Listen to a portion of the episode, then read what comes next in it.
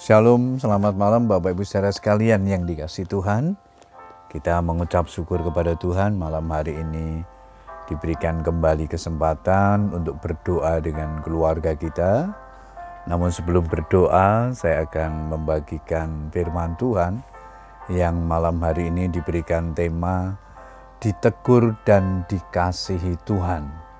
Ayat mas kita di Amsal 1 ayat yang ke-23 Berpalinglah kamu kepada teguranku, sesungguhnya aku hendak mencurahkan isi hatiku kepadamu dan memberitahukan perkataanku kepadamu. Kebanyakan orang tidak suka ditegur oleh orang lain, sekalipun sudah jelas-jelas dia melakukan kesalahan. Orang-orang yang tidak berjiwa besar dan tidak mau mengakui kesalahan yang diperbuatnya. Mereka malah merasa tersinggung, marah, dan menyalahkan orang lain saat ditegur.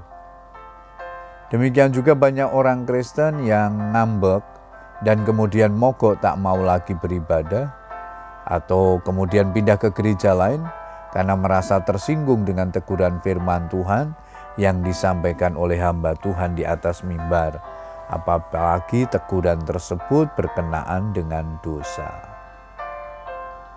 Jika Tuhan menegur kesalahan atau dosa yang telah kita perbuat, seharusnya kita bersyukur dan berbahagia. Mengapa? Teguran Tuhan adalah bukti bahwa Dia sangat memperhatikan dan mengasihi kita.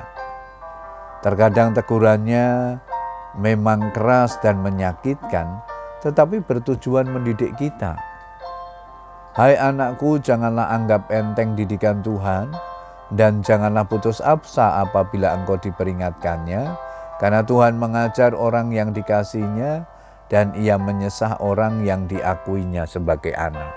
Ibrani 12 ayat 5-6 Adakah seorang anak yang tidak pernah ditegur oleh bapaknya? Tuhan menegur kita supaya kita tidak tersesat dan menyimpang jauh dari jalan-jalannya.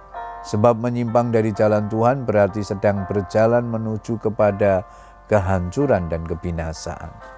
Pemasmur menyadarinya, sebelum aku tertindas aku menyimpang, tetapi sekarang aku berpegang pada janjimu bahwa aku tertindas itu baik bagiku, supaya aku belajar ketetapan-ketetapanmu. Mazmur 119 ayat 67. Pemasmur bersyukur ketika ia ditegur oleh Tuhan, karena kesalahan-kesalahan yang telah diperbuatnya. Bapak Ibu Saudara sekalian yang dikasih Tuhan, milikilah respon hati yang benar saat ditegur oleh Tuhan. Teguran Tuhan menjadi kesempatan untuk kita meminta pengampunan Tuhan dan berkesempatan memperbaiki diri.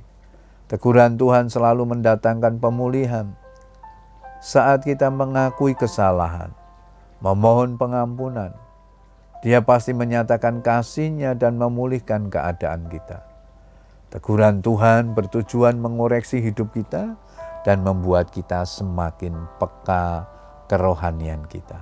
Oleh karena itu, bersyukurlah dan jangan sekali-kali memberontak apabila kita ditegur Tuhan melalui firman-firmannya.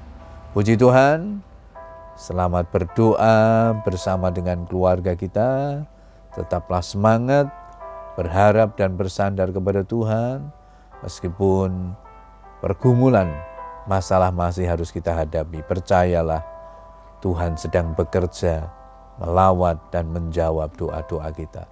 Selamat berdoa dengan keluarga kita. Tuhan Yesus memberkati. Amin.